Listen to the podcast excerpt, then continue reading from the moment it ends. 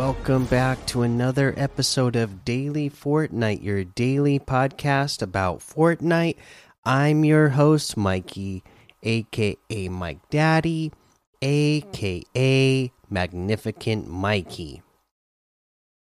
And uh, today, this is the uh, good bit of news that I want to tell you. Fortnite status social media said we've recently updated shared quests to reward more XP. This is the new values here. Common quests are now 2500 XP. The uncommon quests are 2650. Rare 200 2750. Epic 2900 and legendary reward 3750 XP. These are huge jumps from what we had before, so this should make your grind uh, for this season's Battle Pass a lot easier and a lot more rewarding and fun uh, than what they had at the beginning of this season. But the beginning of this season, it is, uh, you know, it was just it it was just an absolute grind, not and a not a fun kind of grind because they took away a bunch of different uh, bonus stuff that you could do to get XP. Uh, they obviously took away uh, the the huge amounts of XP that you could get in imposters, and it just made it so much harder to level up the battle pass that it wasn't really uh, fun to level up your battle pass. Whereas last season, uh, season seven, uh, you know, I had a fun time. Like it was a blast, just like trying to level up my uh, battle pass as fast as I could because of all of the bonus uh, things you could do to earn XP. You know. Uh, so I'm glad that they upped the XP so it doesn't feel as much of a grind. And remember that you know your your quests this season are shared party quests, so uh, you can get a lot of quests done and get a lot of XP by partying up with your friends and family, and uh, you know getting a, a more quests done that way, and having your uh, teammates help you get quests done that way. Uh, so yeah, so now I'm a little bit more excited to be uh, grinding out uh, th this season's battle pass and getting all the rewards. Uh, let's see here. Uh, I, I, think that's really all that we had for news today. It's just that that XP boost to our uh, quest. So uh, let's go ahead and uh, take a look at what we have in the uh, LTM's today. Again, still featuring. Uh, you know, it seems like the Halloween themed stuff. So we have the Night Fair, Sky Wars, Dinosaurs, The Floor Restores, Uptown Road Rush, Bright City Mafia, Scare, uh, Scarecade, Space Zombies by Nolander, Pro Red versus Blue Bounty, Blackouts 1v1, two players, Red versus Blue, box fights, and of course, there's a whole lot more to be discovered in that Discover tab, so make sure you check it out let's go ahead and take a look uh, and see what we have over in the item shop today. Uh, looks like, uh, of course, our spooky offers uh, are still here from the last what four days now that we are into the spooky offers that we've had. Uh, we have the brute gunner outfit for 800 the Arctica outfit with the modern summit backbling for 1200, the build up emote for 500, the thorn harvesting tool for 500, the vibin emote for 500, my idol emote for 200.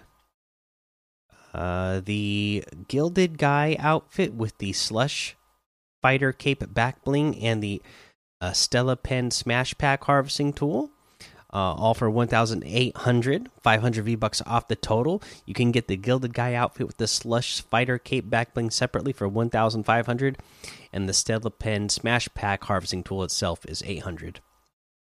The Recon Expert outfit is 1,200, a great one. The Manic outfit is 800. The Scarlet Psy harvesting tool uh, and back bling is 600. Uh, and honestly, that Manic outfit and uh, these when they added these uh, harvesting tool and back blings in. Uh, that's just uh, an awesome way that they filled out the rest of this set. So really cool. Uh, let's see. We also have the punk outfit today with the squash bats back bling with the bash burner harvesting tool for 1,600. The pumpkin wrap for 300. The patch outfit with the uh, spiced sippers back bling for 1,200 uh, been a long time since I see this one. Uh, I've actually would have been drinking a, few of these uh, pumpkin spice lattes myself, uh, just ones I've been making at home. But uh, it is the season, right? Uh, we have Carver's harvesting tool for eight hundred, the Jack Gourdon outfit for one thousand five hundred, the Hollowhead outfit with the moldering cloak back bling for 1500 the carver harvesting tool for 800 and that looks like everything today so you can get any and all of these items using code mikey M M M I K I E in the item shop, and some of the proceeds will go to help support the show. Now, let's go ahead and talk about our tip of the day. And this is one uh, I don't know why uh, it, I hadn't come across it sooner. I didn't think of it sooner, but obviously, since we had the shockwave um, grenade launcher added back into the game, a great combination that you can do right now is the shockwave launcher and uh, one of the mythic either venom or carnage uh, items that you can pick up. Right, so especially if you are in a build battle or you just happen to be uh, on the side of a mountain. A great thing you can do is shoot the uh, shockwave grenade launcher uh, again down at your feet so that you are flying up higher into the air. And while you have the uh, one of the mythic items equipped, either Venom or Carnage, now you are going to do the uh, I can't think of the name that it's actually called, but the the the power where you uh, reach out and grab them and then drag them to you. Okay, you're going to do that power to your opponent, who's going to be, you know, that you were just in a build battle with, or uh, they they box themselves up uh, during the build battle. Okay, so now you've shockwave grenade yourself up even higher into the sky. Now you're grabbing them with that power, and that is going to cause them when they come crashing back down to take the fall damage.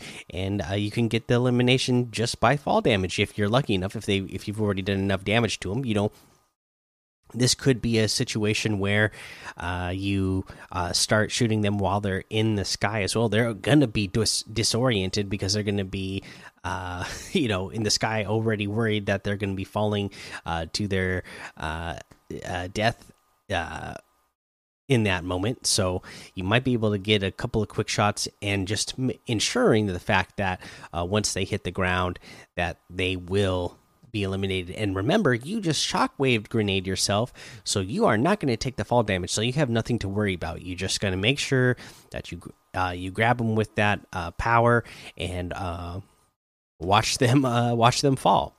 Uh, all right, that's the episode for today. Make sure you go join the daily Fortnite Discord and hang out with us. Follow me over on Twitch, Twitter, and YouTube. Head over to Apple Podcasts, leave a five star rating and a written review for a shout out on the show.